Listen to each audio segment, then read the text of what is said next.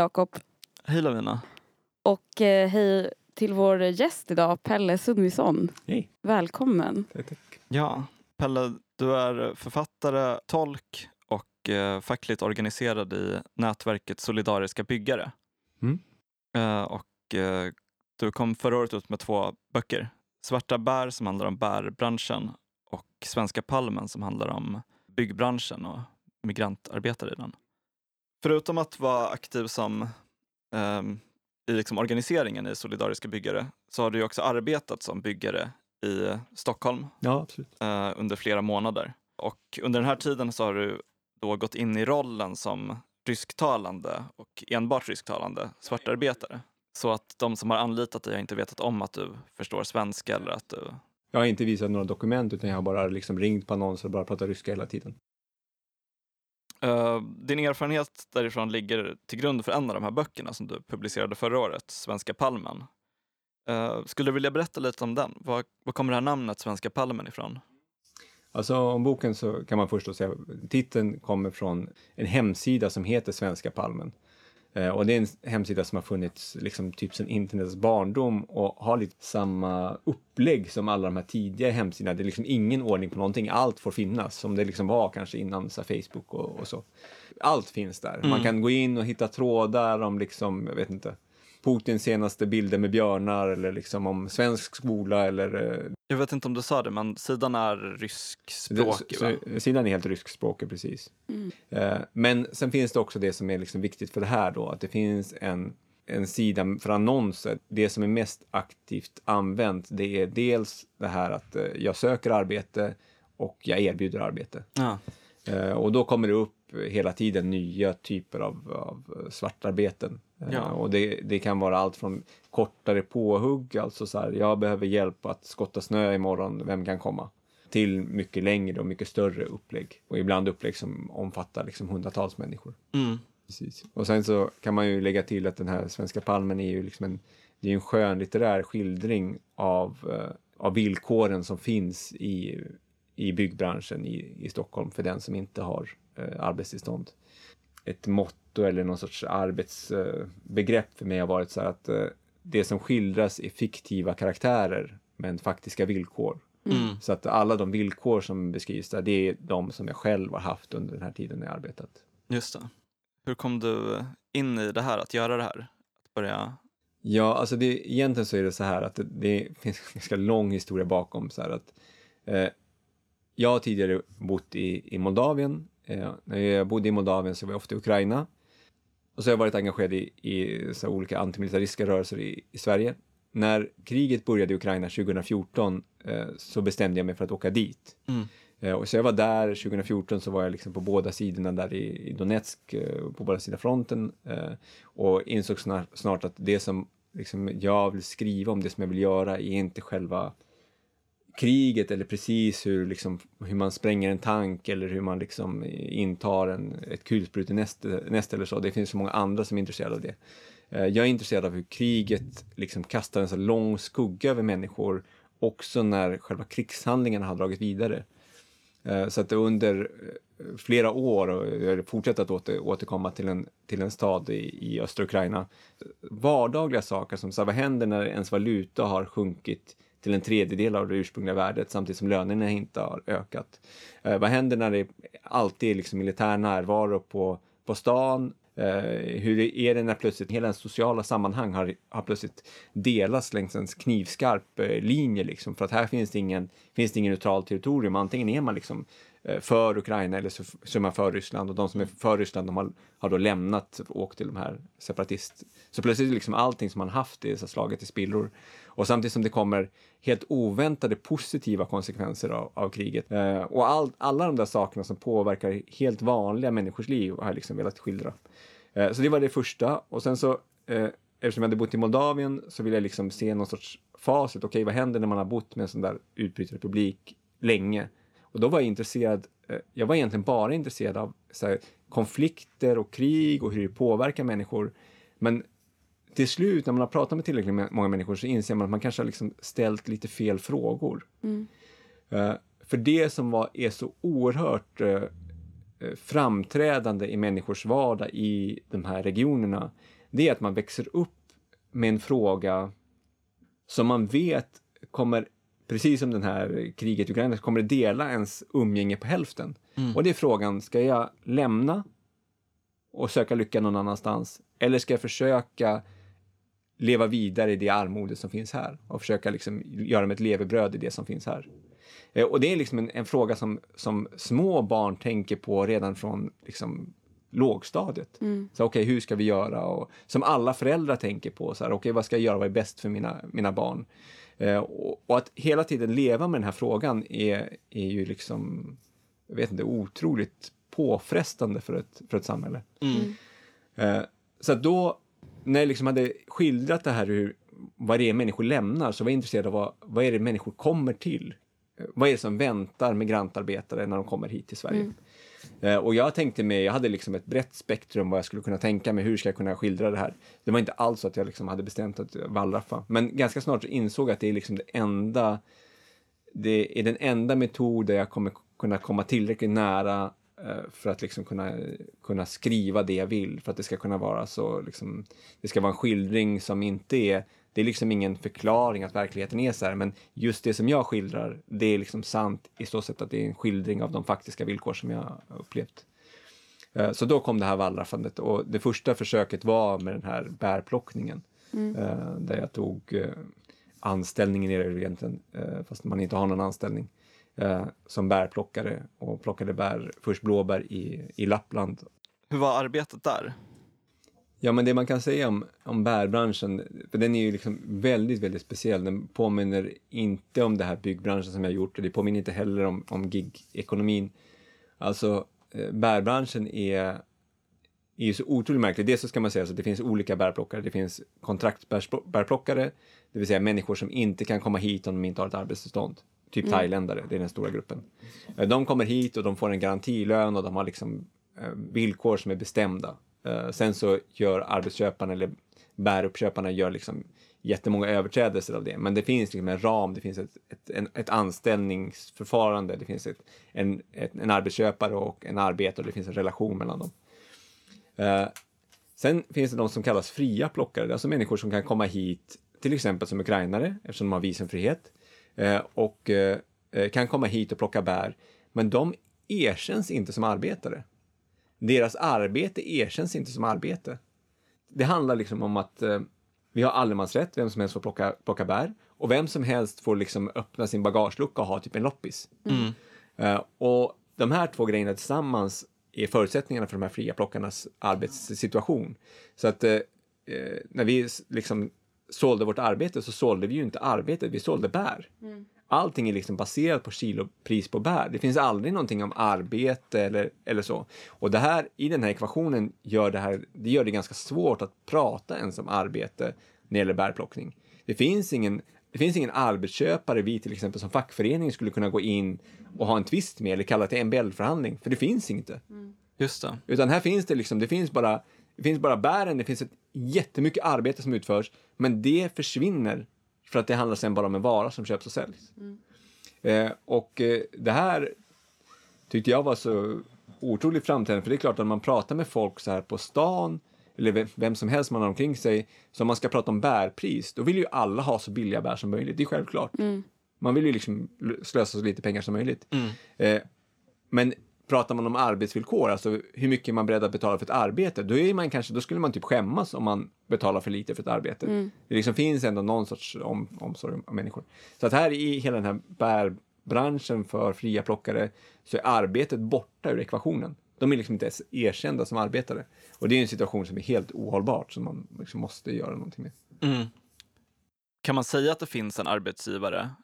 Eller är det helt omöjligt att Nej, man- identifiera? Alltså, jag skulle säga så här, rent faktiskt så kan man säga att det finns en, en arbetsköpare. Det är väldigt, väldigt tydligt. För att det är så att det finns en person som är bäruppköpare, som ordnar boendeplatser och som, som ser till att man får såna backar som man, som man eh, plockar i och som liksom har hand om allting och som dessutom, det är väldigt, väldigt tydligt att om du säljer dina bär till någon annan, då åker du ut. Ah. Eh, Så att egentligen finns det ett förhållande som man kan säga är mellan arbetare och arbetsköpare.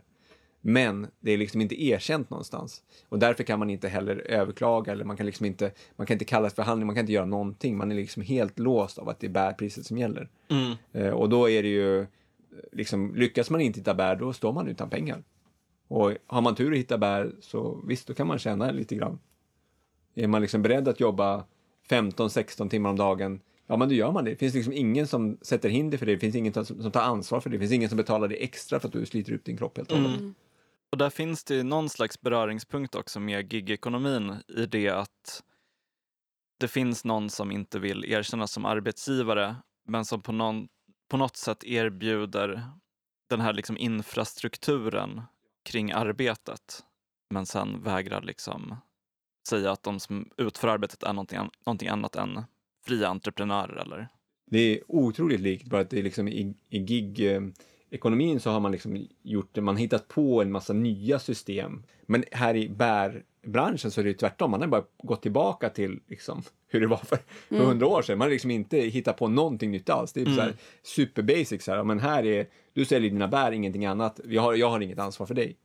Eh, så att de är liksom samma, fast den ena har liksom kommit till samma punkt genom någon sorts teknisk eh, evolution. Ja. Och den andra har kommit dit genom teknisk eh, regre- regression, typ. Just det. Jag läste en intervju med dig i tidningen Byggnadsarbetaren. Och där så säger du att du aldrig kommer att se Stockholm likadant igen efter den här tiden i byggbranschen. Då. Vilka insikter har du fått av det här arbetet? Hur ser liksom världen ut från den här delen av arbetsmarknaden? Vad är det som man kanske inte ser om man inte har en erfarenhet därifrån eller arbetar där? Eh, nej, men det är sant, alltså, på något sätt är, har Stockholm helt, helt förändrats liksom, i, i mina, i mina ögon. Eh, och det är ju främst för att det liksom nu, när man väl ser exploateringen, när man väl förstår vad det är man ska titta efter, så ser man den liksom verkligen över överallt. Uh, och jag tänker att det kan på ett sätt vara liknande hur det är med liksom den här gig-ekonomin. Har man väl börjat med den så ser man att det här liksom finns överallt. Eh, Men det finns också en skillnad och det är att det många gigarbeten gör ju liksom, eller många gigföretag, de gör ju allt för att synas. Mm. Men det här är tvärtom arbeten som gör allt för att inte synas.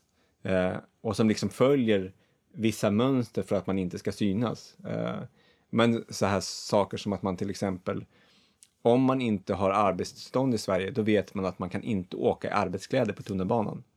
Eh, för att åker man fast så kan man inte förklara det och då kommer man bli deporterad. Eh, och då måste man ha dem någon annanstans. Och då har man liksom alltid dem. Alltså det finns miljoner sätt att, att känna igen eh, migrantarbetare som utsätts för exploatering. Eh, och då blir Stockholm inte alls någon så här fin och vacker och fri plats där liksom alla eh, mår bra och det är ett, ett välmående samhälle som liksom i en värld som kanske inte mår så bra i övrigt ändå liksom har klarat sig bra undan. Utan det, det är all den exploatering och skit som vi ser på andra ställen, den finns här och den sträcker sig så otroligt långt in. Alltså den sträcker sig in i, i våra hem Mm. hela tiden och den sträcker sig in på våra myndigheter. Jag, när jag jobbade här med den här Svenska palmen, jag var ju inne och jobbade på liksom Skatteverket, eh, på okej. eh, Tullverket. Ja. Eh, och utan att någon har koll liksom. Eh, och inne på i, i lägenheter här på Södermalm och uppe på tak, alltså allting. Och, och överallt finns de här arbetena. Och hur går det till när liksom den typen av arbete kommer in på en svensk myndighet? Är det att de Ja. handlar upp det direkt ja, från? precis. Det är alltid så att det finns liksom en kedja med underentreprenörer och så är det någon underentreprenör på slutet som liksom tar in eh, den här eh, svarta arbetskraften. Och där den översta kedjan kanske då har kollektivavtal? Ja, eller? jätteofta. Mm. Och det är inte helt ovanligt heller att den som tar in har kollektivavtal. Alltså jag har ju dels själv, men så träffar jag ibland många medlemmar att de arbetar för firmor som har kollektivavtal.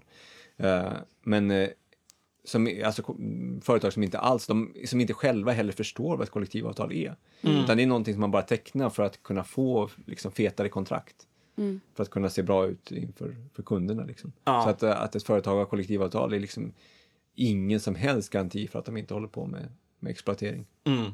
Vilket man också ser i gigekonomin då, till exempel med Foodoras omtalade kollektivavtal som ju fortfarande inte omfattar hälften ens av Mm. de som jobbar där. Men vi kanske skulle kunna börja med att prata om solidariska byggare. Vad är det för någonting? Och hur startade ni? Solidariska byggare är liksom en eh, fortsättning, det är nästa steg kan man säga i ett eh, projekt som, som startades av eh, Stockholms LS, alltså eh, lokala eh, samorganisationen av SAC här i, i Stockholm.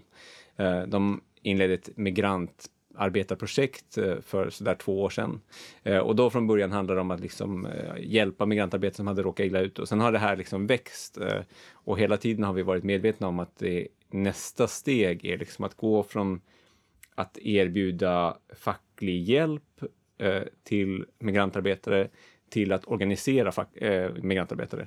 Och solidariska byggare är det här. Det är liksom vårt, äh, det är våran organisering. Så att det, nu plötsligt är det ju medlemmar som är aktiva, som kommer på möten. Det är liksom en, det är en, um, en organisation som är, jag skulle säga bland fackliga organisationer i Sverige kanske en av de mest livaktiga. Vilka andra har liksom 20-30 personer, ibland 40 som kommer på så vanliga veckomöten. Liksom. Mm. Det händer ju inte annars.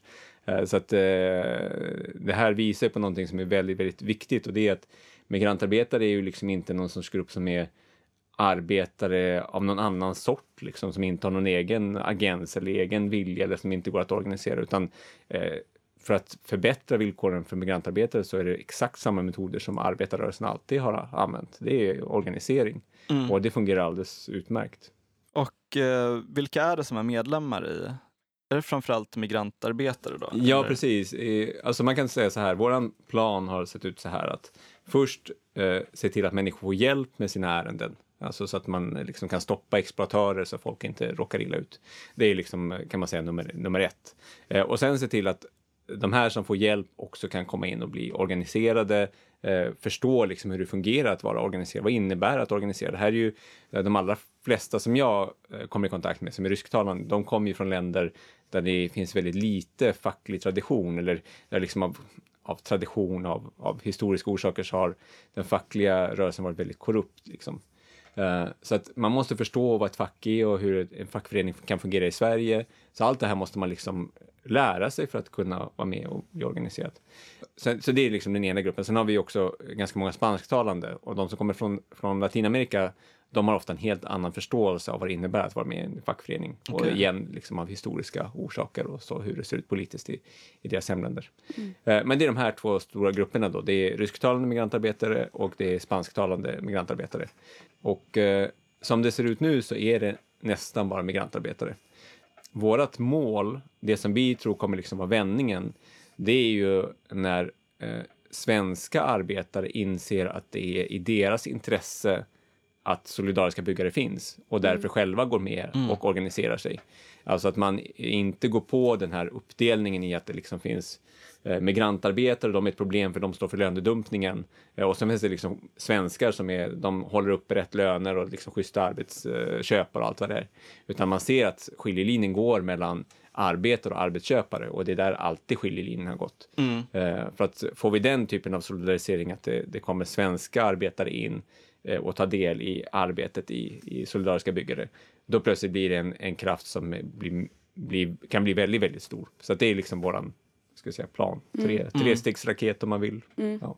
Och ni upplever då, gissar jag, att de traditionella facken inte har varit så bra på eller intresserade av att eh, organisera den här gruppen av migrantarbetare, eller? Ja, precis. Jag är inte här för att liksom recensera andra fack, men det är ju alldeles uppenbart så att eh, är man migrantarbetare i Sverige så har man väldigt, väldigt svårt att få facklig hjälp och då blir det ett problem för att i Sverige så har eh, migrantarbetare har jättestarkt skydd enligt lagen. Alltså otroligt, alltså även som om man är här och jobbar som papperslös så har man liksom rätt till, inte bara till lön för sitt arbete, utan man har rätt till semesterersättning och till sjuklön och schyssta arbetsvillkor. Alltså man har rätt till massa, massa saker. Men hur ska man kunna liksom få de här rättigheterna tillgodosedda när hela svenska modellen bygger på att man då har en fackförening som företräder den? Eh, antingen det eller att man liksom går personligen till en advokat och det är bara att tänka sig vad det skulle kosta. Liksom. Ja. Så det är helt omöjligt. Eh, och det gör att det liksom finns alla lagar på plats men det som saknas är en arbetarrörelse som ser till att alla arbetare i Sverige får eh, åtnjuta sin, sina rättigheter. Eh, och eh, om man tar hela stora LO-kollektivet och deras Centrum för papperslösa så ifall vi jämför det med solidariska byggare vad vi gör så har vi löst kanske fyra eller fem gånger fler fall. Och det är ju väldigt eh, eller liksom imponerande, speciellt med tanke på hur, alltså Vilken storlek, storleksskillnaden. ja, precis. säga. Precis. Jag tänkte på det här, hur kommer det sig att det är så många från just dels då de här postsovjetiska ryskspråkiga länderna och dels från Latinamerika som jobbar inom byggsektorn i Sverige. Eh, Varför, varför just från de delarna av världen? Varför arbetar de just den sektorn? Precis, det där, är ju, det där är ju säkert jättesvårt att komma till botten med eh, exakt hur det ser ut. Alltså det som vi kan se är att det är liksom det finns en uppdelning som är baserad på språk eh, och att eh, liksom vissa språkgrupper är mer de ser vi ofta i till exempel restauranger och så, men just när det gäller byggen så är de, de främsta språkgrupperna vi ser det är eh, rysktalande och sen är det spansktalande. Och exakt hur de där liksom, historiska kopplingarna och så ser ut, det har jag inte riktigt klart för mig. Det man kan säga om de rysktalande länderna, och med rysktalande ska man ju vara tydlig med att det är ju inte länder där man talar ryska som första språk, utan det är ju som att Sver Sverige är liksom en del av den engelsktalande världen. Alla i Sverige ta talar engelska. Och på samma sätt så, så pratar ju nästan alla som kommer från Ukraina eller Belarus eller från Uzbekistan eller Kirgizistan och så vidare. De, de pratar liksom ryska som sitt andra språk. Det är det som är det språk som man använder vid internationella kontakt kontakter. Eh, och exakt hur det där ser ut, exakt hur det har blivit så, eh, det får man nog, liksom, det skulle man behöva forska i för att eh, försöka förstå. Ja. Men att det har funnits liksom en, en lång tradition där de här länderna, alltså grannländerna till, till Ryssland, de gamla Sovjetländerna, där man har åkt till de stora städerna i Ryssland främst och arbetat på byggen. Eh, det har liksom varit sedan sedan Sovjetunionens fall. Och det har varit det enda sättet för många att liksom tjäna sina pengar. Um, så att uh, jag kan tänka mig att det kommer liksom därifrån, att man haft eh, en stor byggboom i, i Ryssland under 90 90-talet. Massor med folk som kom dit på byggen och sen så stannade allt det där av och så skulle man leta sig någon annanstans och då letar man sig till andra delar av, av världen. Ja, men när vi ändå är inne lite på historia så undrar jag hur det liksom, om man tänker då bara liksom Sverige-aspekten, har det liksom alltid alltså varit på det sättet hur det är nu? Och om då nej, typ, så kan man se liksom något tydligt skifte eller någon tydlig liksom förändring eh, när och varför? Mm. Alltså, eh, det det, när, man, när, man, när jag pratar med andra som har varit verksamma i byggbranschen länge så säger de att det här känner de inte igen.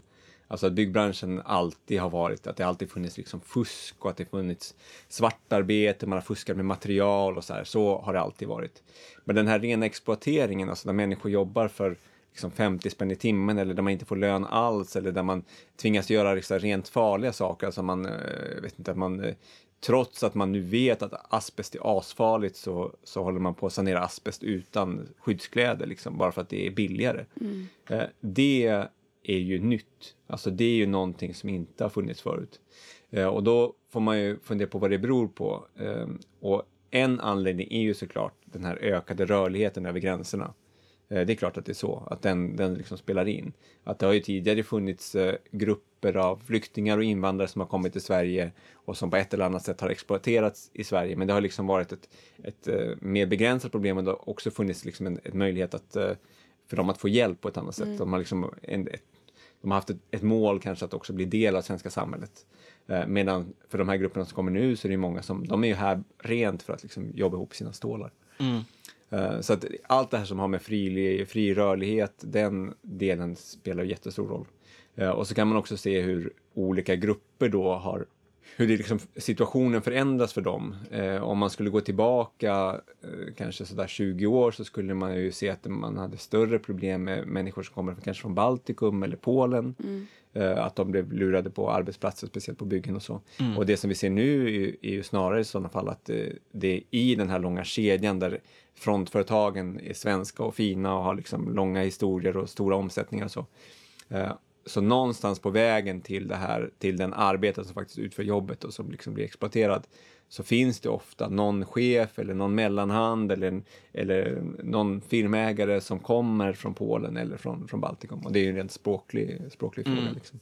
Så att det där har liksom förskjutits och, och det man kan se när det gäller ukrainare som, vi- som vi har mycket, då kom ju efter, efter kriget började förra gången, om man ska säga 2014, Mm. så fick eh, ukrainare rätt att komma till EU tre månader utan visum. Mm. Eh, och det har ju gjort att jättemånga ukrainare kommer hit och det har ju också eh, gjort att det finns alltså omfattande såna där, eh, vad ska vi kalla det, upplägg för att eh, exploatera ukrainare.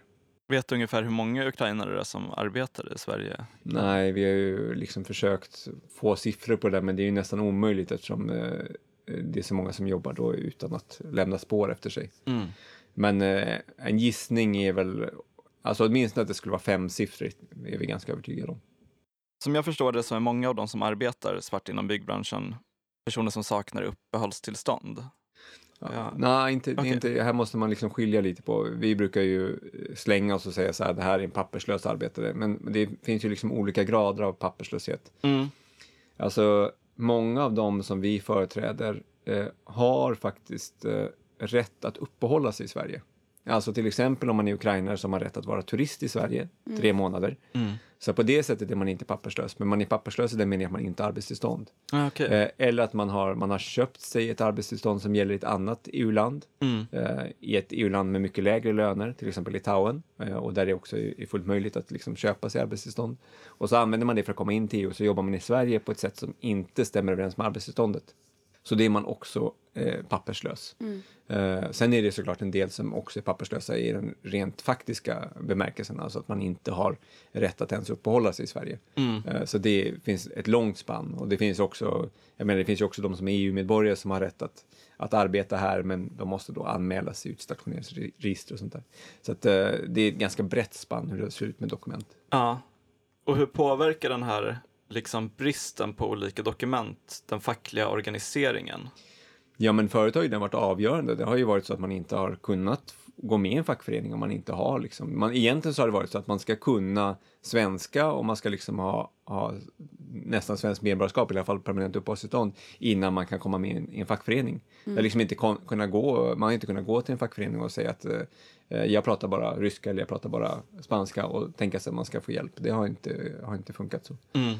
Eh, och eh, det har också varit svårt att ansluta sig. Nu har ju olika fackförbund hattat fram och tillbaka och tagit olika beslut och så här hur mycket man ska hjälpa de som saknar arbetstillstånd eller inte. Men, men i princip så kan man säga att man har ju haft väldigt svårt att eh, ta sig förbi det här första steget. Att visst, ibland har man erbjudits hjälp i olika perioder. Det finns ju fortfarande eh, eh, LOs Centrum för papperslösa som jag måste säga gör ett jättefint jobb men som också får jättelite resurser.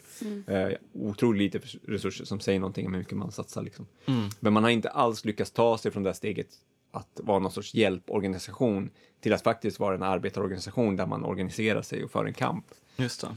Och hur påverkar det era fall? Inte alls skulle jag säga. Okej. Alltså, eh, vi, eh, vi tar emot alla. Vi har en, vi har en strikt policy att är man, är man arbetare får man vara med, är man arbetsköpare får man inte vara med. Men jag tänkte mer liksom hur det påverkar eh, situationen. Bristen på de dokument som behövs. Hur Mm. påverkar det deras situation kontra, ja, precis, kontra Mm, arbetsgivaren? Just det, just det. Man kan säga så här att det finns en väldigt tydlig koppling mellan utsatthet på eh, alltså så här avsaknad av då, dokument och så, utsatthet rent generellt och hur, hur låga löner man har, hur mycket man blir exploaterad. Mm. Ja, till exempel så kan man eh, säga så här av, av de som jag har träffat, och jag har ju träffat väldigt, väldigt många rysktalande eh, byggnadsarbetare här.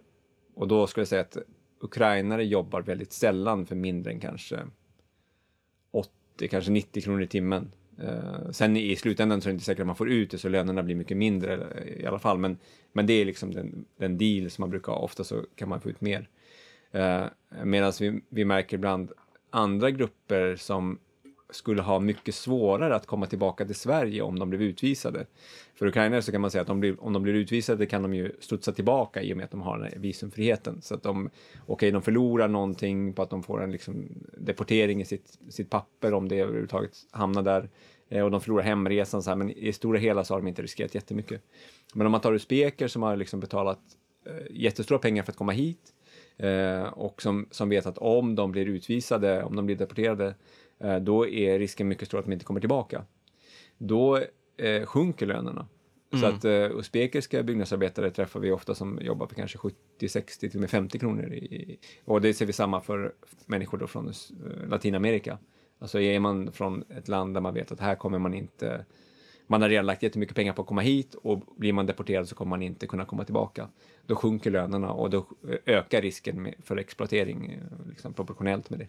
Okej, okay, så det, för det låter ju eh, eller, intressant men det är också väldigt mörkt. Men ändå intressant liksom att det blir en så tydlig eh, etnifiering liksom bland olika grupper på arbetsmarknaden och den är alltså kopplad till av en byråkrati. Ja, det kan man säga. Ja. Alltså det, den finns, det finns ju redan liksom en, en generell eh, rasism, eller vad man ska säga. Mm. Eh, men sen så är den ju väldigt starkt kopplad till det här byråkratiska. Eh, och så är det ju också tydligt att man ser på Eh, kvinnors löner så ligger de ännu lägre. Mm. mm. Liksom att man kan ta samma ukrainska kvinnor, de jobbar liksom eh, de jobbar lika hårt som männen men de jobbar för, för lägre löner. Mm. Används det här systematiskt från arbetsgivares sida?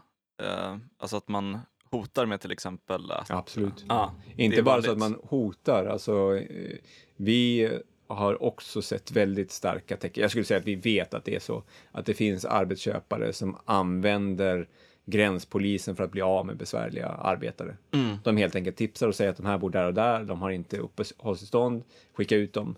Eh, och då ser de till att de liksom bygger upp en löneskuld först. Så säg att de har under, först betalar de som vanligt en eller två månader som man liksom jobbar på och sen så blir lönen försenad, försenad, försenad och sen när den är uppe i liksom tre, fyra månader, så nu pratar vi om kanske 75 000 kronor eller, eller ännu mer, då eh, ser man till att man ringer gränspolisen som, som deporterar dem. Och då har man, om inte man liksom lyckas få kontakt med oss, så har man väldigt, väldigt små, små möjligheter att få ut sina pengar. Gud, det är så jävla grovt, alltså. Eller det är så omänskligt. Eh, vilka är de här eh, arbetsköparna? Arbetsköparna är ju alla möjliga, ja. alltså det finns inte, de kan vara alla möjliga, men någonting som de har gemensamt som, som är så slående, för nu sitter vi liksom ständigt i, i förhandlingar och så med dem, det är att alla har en typ av hemsnickrad eh, moral, liksom, där de alltid är säkra på att det är de som egentligen har gjort arbetarna en tjänst. Alltså de har liksom varit schyssta och de har hjälpt dem och alltid, alltid, alltid finns det liksom orsaker till varför varför de har varit eh, de, de schyssta här och som sen har blivit uh, illa behandlade av arbetare som gått bakom ryggen och anmält dem till, till facket. Alltid, alltid. Mm. Och det är vanligt att vi vinner förhandlingar där de säger så här, ja, jag ska betala ut den här lönen, visst. Men jag vill att ni vet att jag liksom är en, en bra kille. Ja, de har otroligt behov av någon sorts bekräftelse från oss. Ja. Mm. Det där, eh, alltså det påminner mig dels om hur mycket, hur många gigföretag eh, framställer sig själva att det är just det här, vi är de goda, vi vill att folk som står utanför arbetsmarknaden ska få jobb. Eh, och de håller ju ofta på med ett liknande utnyttjande av migrantarbetare. Det påminner också om uh, den här Darja Bogdanska uh, serieromanen som hon ja, ja. skrivit. Det är ju samma, det är exakt samma. Ja, precis. Det är exakt samma logik, det är klart att det är det. Det är en annan bransch men det är exakt samma logik. Mm. Där då den här chefen på restaurangen ville verkligen eh, visa hur mycket han tyckte att facket var bra samtidigt som han hade den här liksom, utnyttjandet av migrantarbetare. Också väldigt skiktat då, enligt eh, etnisk bakgrund. Ja, man kan också säga att de här svarta lönerna som betalar ut och säger de så här, men vi betalar ut svarta löner för de kan inte ta emot andra löner. Eh, ja, fast man måste ju också se det från andra sidan att, att deras profit blir liksom enorm i och med att de betalar ut 100 kronor svart snarare än skulle man lägga på skatter och arbetsgivaravgifter så är ju en, en timme kostar ungefär 400 kronor. Mm. Och jag har sett från min egen del när jag har gjort arbeten så vet jag att när jag liksom hade den här rysktalande identiteten och, och wallraffade eh, så vet jag att firmorna tog från kunden upp till 400 kronor för det arbete som de betalade mig en hundring eller 90 kronor för. Mm. Och dessutom sket de att betala mig hälften av gångerna. Ja. Um, så att det är ju liksom, skulle man fråga dem så här, hur går det här ihop? Så det är klart att det handlar om profit. Alltså det är klart mm. att det, Jag kan eh, lägga till en sak först innan vi går vidare. Eh, Alltså, när man förstår då att den här utsattheten är kopplad till risken för exploatering och att den, ju mer utsatt man är, desto lägre blir lönen, så kan man också liksom se på de förslag som kommer från regeringen nu om att polisen ska söka upp eh, migrantarbetare på sina arbetsplatser, eh, på deras arbetsplatser eh, och att man ska genomföra razzior. Det enda som kommer hända med det, det är att liksom osäkerheten ökar och exploateringen därmed ökar. Alltså det finns ingenting i det, eftersom det, som, som jag redan förklarat, så finns det liksom arbetsköpare som använder gränspolisen för att göra sig av med arbetare. Och när arbetare väl blir gripna av, av gränspolisen och sätts i förvar i Märsta eller vart man nu hamnar någonstans, eh, då har man nästan ingen chans att få ut lönen. Så då blir det liksom en, det är som att man efterskänker lönen till arbetsköpare som, Ja. som har satt i system att, att exploatera. Och därför är de här, alla de här förslagen om razzior, så de är, de är helt bakvända. Det borde vara tvärtom och det som jag framhåller, det som vi gör, alltså att migrantarbetare kommer till oss. Alltså andra har sagt så här, det går inte att få tag på usbekiska arbetare i Sverige för de är alldeles för misstänksamma. Ja, fan, det kommer fler hundra till oss.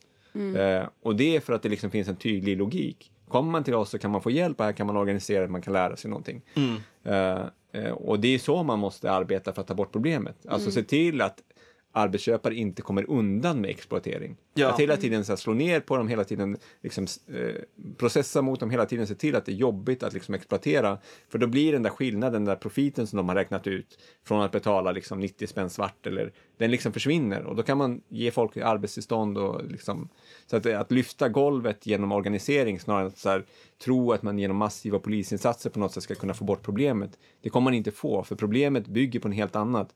Problemet bygger på inkomstskillnader mellan ursprungsländer och Sverige. Mm. Och det kommer man liksom inte få bort. Eller så får man pressa liksom, eh, villkoren i Sverige så lågt att de blir sämre än typ Nicaragua. Mm. Det är ju liksom helt inhumant.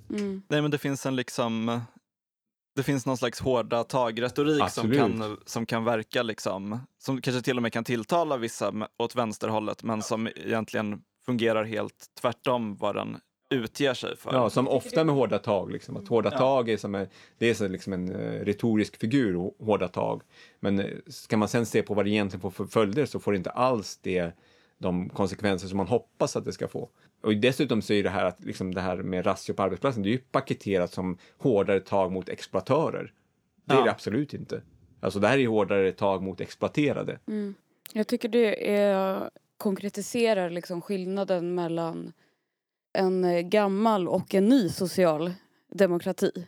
Eh, för just det där med att eh, höja golvet och liksom att det, det är så man gynnar alla. Det är ju liksom svenska modellen 101 liksom i hur man tänkt sig där på 30-talet hur man liksom skulle bygga upp Sverige typ kontra nu där det liksom är polisen ska jaga bort de som har det sämst. För om de inte är här så har, Sverige det bättre. Typ.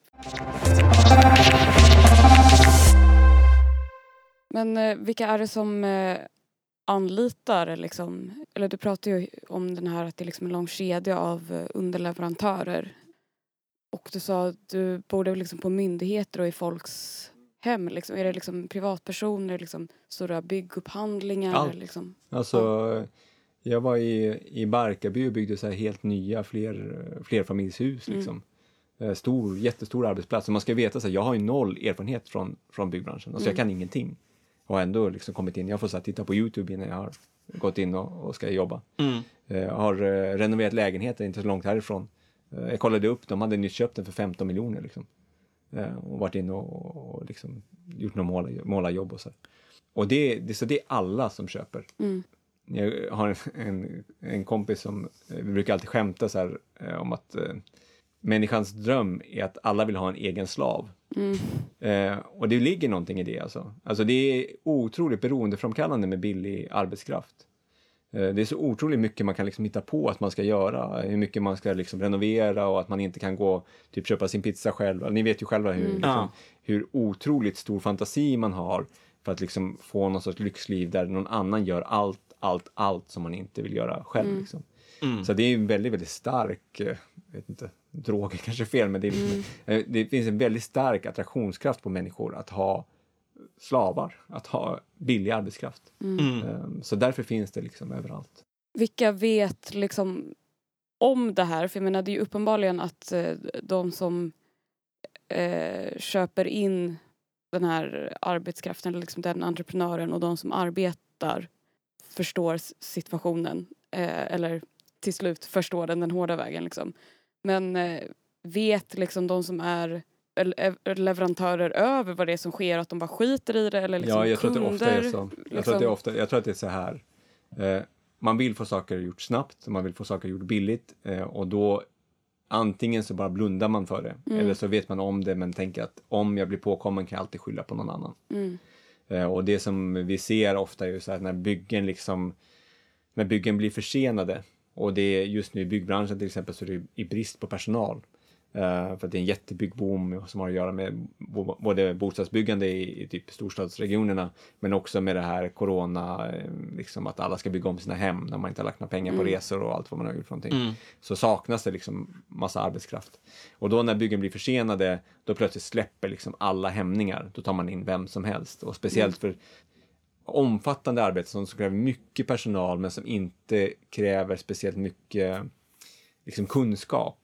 Typiskt typ att sätta upp inneväggar i gips. Mm. Eh, Det kan man lära sig på kanske två dagar, liksom, hur, hur det går till. Och sen är det ett jättetungt arbete som är så monotont som man gör liksom, hela tiden. Och när det ska göras, då bara väller in folk liksom, Mm. på arbetsplatserna. Och sen när det gäller pri- privatpersoner så ibland så vet de inte. Man, och ofta så, prat, så, ofta så betalar privatpersonerna liksom fullt pris Mm. eh, till någon liksom svensk frontfirma. Okej. eh, så. Det är inte alls ovanligt. Men samtidigt så har jag lite svårt att helt släppa liksom, eh, privatpersonernas på något sätt eh, moraliska ansvar i det här. För att om man har människor som jobbar liksom 12 timmar om dagen, Mm. eh, som jobbar på helger, som ber att få jobba extra på storhelger, eh, alltså då, det är ju något som inte stämmer. Ja. Mm. Då är det något kollektivavtal som inte följs eller svensk lag som inte följs. Det är något som inte stämmer med det. det är ju liksom, man måste ju inse att, det, att är det så att människor jobbar jättemånga timmar på jättekonstiga ti- tider, då är det något som inte stämmer. Det är liksom, det måste man... Vad skulle man vilja då att eh, privatpersoner gjorde? Eller liksom om en privatperson eh, börjar liksom ana ugglor i mossen. Liksom. Ja, precis. Ja, det, där, och det där gäller ju både privatpersoner och större beställare. Ja. Eh, För ett problem för större beställare är ju så här att eh, okej, det kommer in, de, de får in liksom eh, folk via någon underentreprenör så inser de att okej, det här är, det här är liksom svartarbete. Och sen om de liksom kommer dit och säger åt dem, då kommer de här arbetarna, de kommer liksom förlora sitt arbete och det är inte säkert att de får ersättning för det. Utan då kan det vara så att arbetsköparen säger så här, "Ja, men ni var så klumpiga så att den här beställaren upptäckte att ni var där och då får ni skylla er själva. Mm. Eh, och då har vi eh, liksom avtal med några av de här stora beställarna att om det är så att de kommer på folk, då ska de lämna information om facket. Mm. Och det tycker jag man kan göra som, som privatperson också. Har man, träffar man människor som man, som man tänker att det här stämmer inte, liksom. det, här är någonting- det är något i det här som inte stämmer. Och även om man kanske bara går så från, till och från ett bygge, eller förbi ett bygge när man Mm. går till och från jobbet. Liksom. Mm. Och man ser att så här, här är folk här på kvällarna, det är något som antagligen inte stämmer här.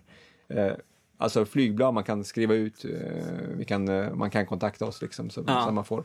Um, så då, då får man liksom hjälp och då, det är klart att det kan ju ändå vara så att eh, det finns eh, liksom exploatering där, men då vet i alla fall arbetarna vart de ska vända sig om Mm. det skulle vara så att det liksom... Har ni flygblad man kan skriva ut? Men jag tänker att så här, om man lyssnar på det här och liksom känner att "Ja, det här är ju sjukt. Vi har, vad vi, har kan man precis, göra? Liksom? vi har precis producerat nya flygblad på, på ryska eh, som vi ska lägga upp, absolut. Vi lägger upp på Mm. Facebook och jag kan lägga på, på Twitter också, så kan man skriva ut själv. Mm. Eh, och det ska också komma på, på spanska och sen tar vi eh, de mindre språken allt eftersom. Mm. En grej jag funderar på, alltså Stockholm har ju en bostadsmarknad som är lite speciell kan man säga. Det är väldigt eh, höga priser på bostadsrätter eh, som verkar liksom stiga ständigt nästan utan stopp. Och någonting som jag har märkt i både mitt bostadsområde och från vad man har hört från vänner och så, vad man ser i sociala medier, eh, är att det verkar väldigt vanligt att folk som ska sälja en bostadsrätt gör någon slags totalrenovering av den. Eller att typ, folk som ska sälja en villa bygger en pool innan de ska sälja huset.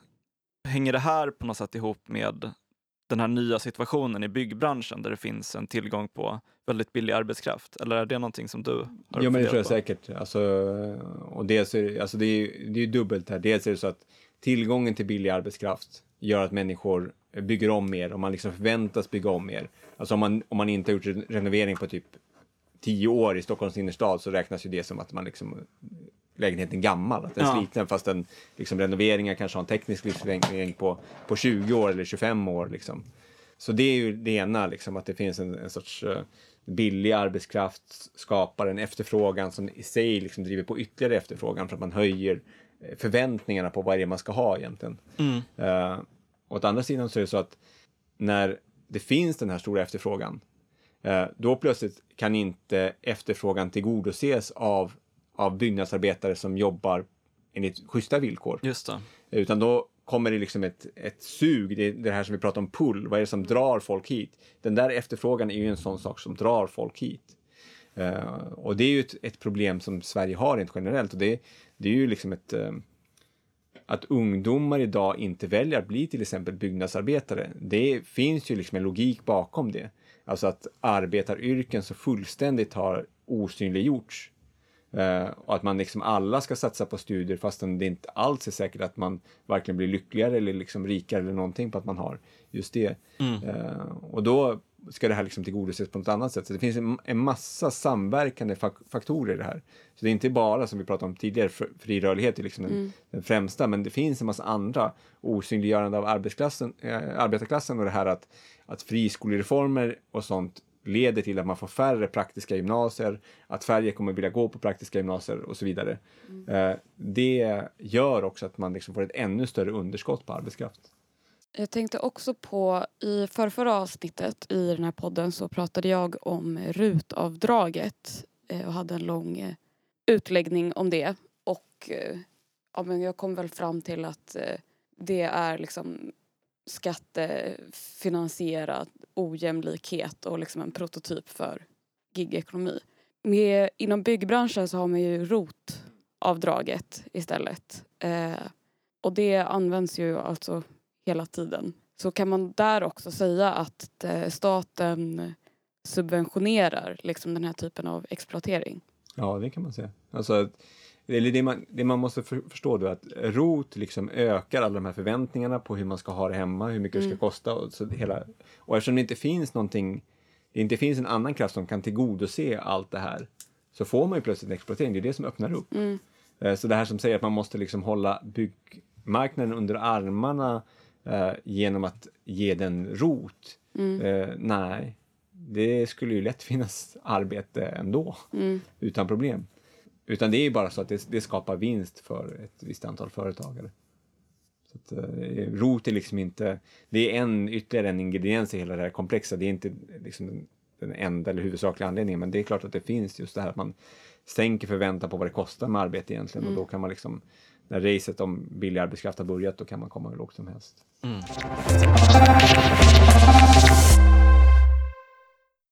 Kort efter den eh, ryska invasionen av Ukraina så beslutade ni i Solidariska byggare att ni skulle prioritera ukrainska medlemmars ärenden. Mm.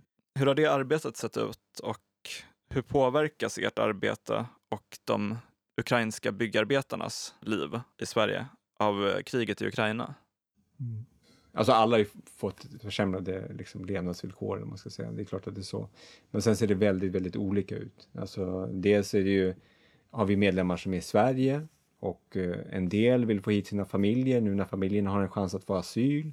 Eller det här eh, direktivet om massflykt, alltså man har en chans att få, få vara här. Eh, man kan själv också, om man har varit här länge, man kanske jobbar som faktiskt papperslös i Sverige Eh, under en lång tid. Och nu plötsligt finns det en öppning för att man ska kunna få asyl, att man ska kunna få ett vitt arbete och så.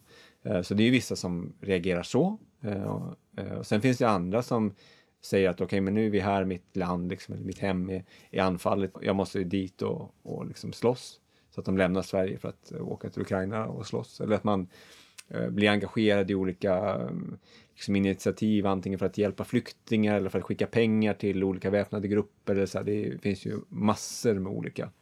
Eh, och det gör ju också väldigt stor skillnad på om man är här, var har man sin familj? Har man dem någonstans i västra Ukraina där det är hyfsat lugnt? Eller har man dem liksom någon, någon annanstans? Så att exakt hur det påverkar människors liv är ju, liksom, det är ju jättebrett Mm. Men så har vi då, det är liksom de som är här, men sen har vi också medlemmar som är i Ukraina och vi har ganska många medlemmar i Ukraina. Eh, och det är av naturliga anledningar. Det är ju för att ukrainare kommer hit tre månader så åker de ut i tre månader. Mm. Så att de är här, betalar avgifter som vanligt i tre månader och sen så anmäler de att eh, nu åker jag hem Ah. och då registrerar vi dem som arbetssökande och så liksom Mm. betalar de den lägsta avgiften och så kommer de tillbaka och så meddelar de. Så det är liksom naturligt, eh, vårt naturliga flö- flöde kan man säga. Men då är det ett 20-tal medlemmar eller så som, som nu är fast i Ukraina. Mm. Eh, och eh, i just Sol- Solidariska byggare så är ju de allra flesta medlemmar, eh, kanske jag vet inte, 95 procent eller så, är ju män. Mm. Eh, och män i vapenför år- ålder kan ju nu inte komma ut ur Ukraina för att man har de här krigslagarna. Just det. Mm. Eh, Så det ser ju väldigt olika ut. En del kan vara kvar i sina hem, men det är ju också de som måste liksom fly sina hem rent faktiskt. Mm.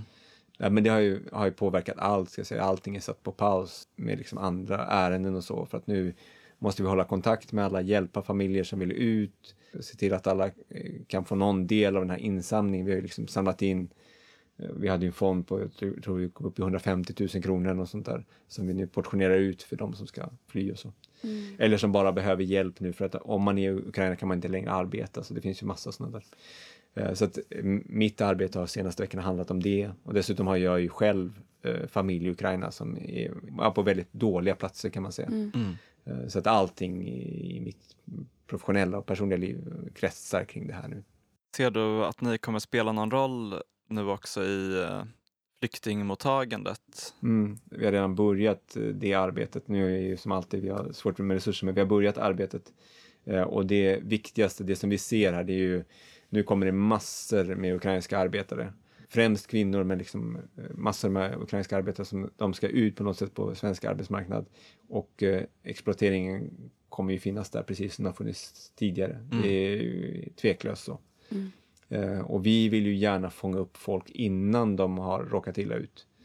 Eh, för att om man vet vilka rättigheter man har och om man också vet hur man ska skydda sig mot eh, de här exploaterande arbetsköparna, alltså hur man, vilka, vilken typ av bevis man ska samla, vilken typ av bevis man får samla i Sverige, vad man kan förvänta sig, vad man kan vänta sig för, hjälp till, för att få hjälp och så, då kommer vi kunna åtgärda nästan allting. Så att vi satsar nu hårt på att nå ut till flyktingar som kommer från Ukraina till Sverige nu, för att de ska få den här informationen.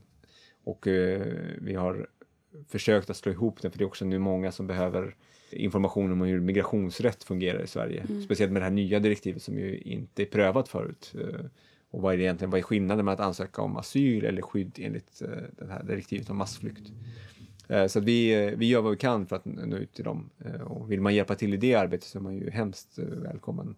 Och har man dessutom någon språkkunnighet, att man antingen kan ryska eller ukrainska eller så, så är det ju otroligt värdefullt. Precis. Jag tänkte fråga det också. Finns det någonting eh, mer som de som lyssnar på podden kan göra för att stötta er i ert arbete? Det främsta, tänker jag, det allra viktigaste, det är ju liksom att bli medlem och organisera sig.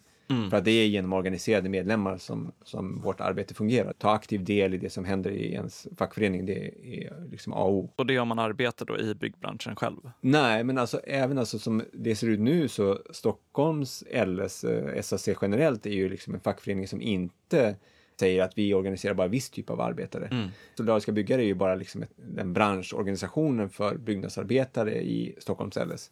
Men även om man går med i Stockholms LS så bidrar det till, till det arbetet men också till arbetet med alla andra migrantarbetare i andra, andra sekt, sektorer. Mm. Eh, Städ, restaurang, alltså det finns ju en lång rad andra.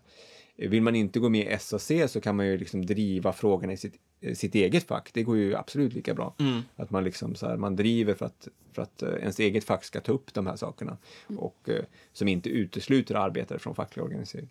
Så det, det tycker jag är nummer ett. Men sen så finns det en massa andra saker som jag nämnde nyss, som man kan liksom hjälpa till med att sprida det här ordet, hjälpa oss att organisera möten med, med de som har kommit nu. Kan man hjälpa till att tolka så det är supervärdefullt. Eh, och så har man liksom eh, lite pengar över så kan man skänka till det här. Vi har ju en typ arbetare till arbetare insamling på Solidariska byggare.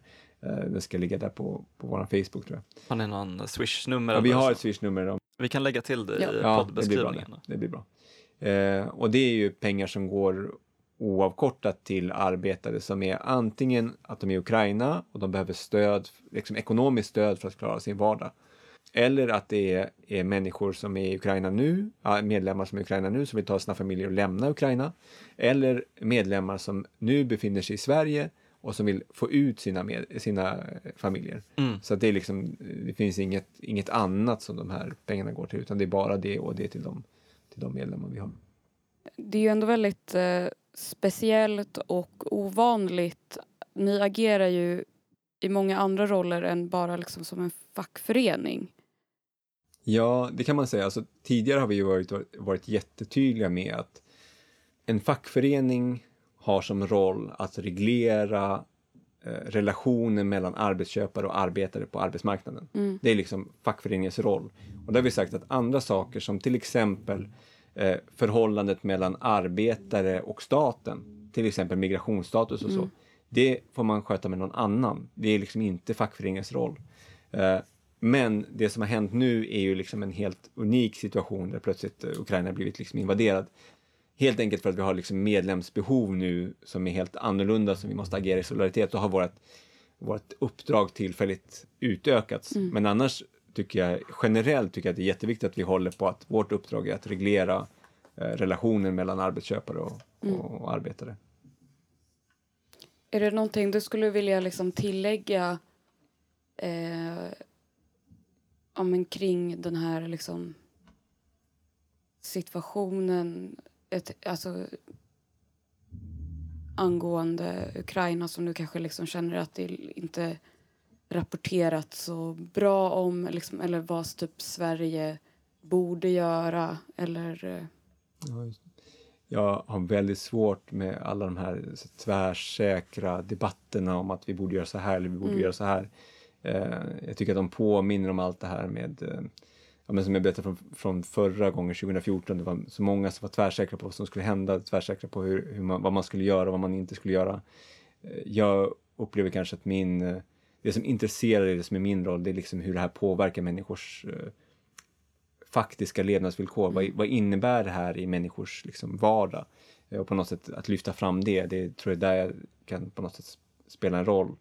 Eh, för att eh, många av de här besluten som nu fattas, om man ska skicka 5000 pansarskott eller inte skicka, det är ju på ett sätt liksom en någon sorts storm i vattenglas. Det kommer Ja. inte avgöra kriget. Det är liksom en, en sorts symbolhandling för att alla EU ska göra likadant. Eh, och det är något sånt där alla är så superupprörda, alla är säkra på att vi liksom måste göra det här. Medan i själva verket så är det liksom det är någon sorts, eh, det är någon sorts eh, självupptagenhet i det där. Att så här, det som är viktigt är vad vi gör. Så här, det är vi som, Mm. nej men alltså, nej, sorry. det är inte så. Mm. mm, Eh, Det finns en jättemånga människor som nu som står för helt, de står inför helt livsavgörande val eh, som inte har någonting mer än liksom vardag att göra. mm, Så att, eh, jag försöker hålla mig till det, liksom, med att, eh, till någon sorts nära vanliga, vanliga människor. Och, eh, och har ju hela tiden försökt skilja det. Eh, Så att, ja. Men kan man tänka ändå, eller alltså, alltså jag kanske kommer klippa bort allt det här Mm, men eh, mm. eh, om man tänker kanske liksom ändå bara men så här situationen liksom i Sverige liksom med att Mm. så här, ja men säkert många liksom ukrainare kommer komma hit liksom vad det arbetet ni gör verkar ju liksom uppenbarligen så här oumbärligt typ Mm. men eh, vad skulle ni liksom önska att typ jag vet inte, andra människor gjorde eller liksom staten gjorde eller liksom Mm. finns det någon så här, kan man punkta upp typ Det finns det ett, här eh, måste göras liksom. Vi tog ett beslut på eh, ett av våra medlemsmöten som vi skickade till den här, det finns en delegation nu som handlar om arbetsmarknadsexploatering eller exploatering på arbetsmarknaden som regeringen har tillsatt. Och vad vi ville att den skulle titta på, det handlar bland annat om det här att man skulle ta bort idén om razzior som jag pratade om Mm. tidigare. Så.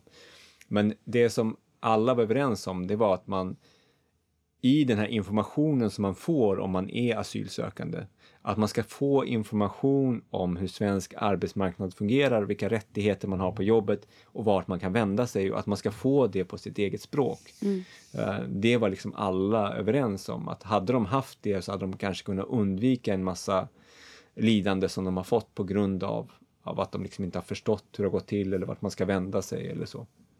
Mm. Så kunskap är makt. Ja, absolut. enkelt.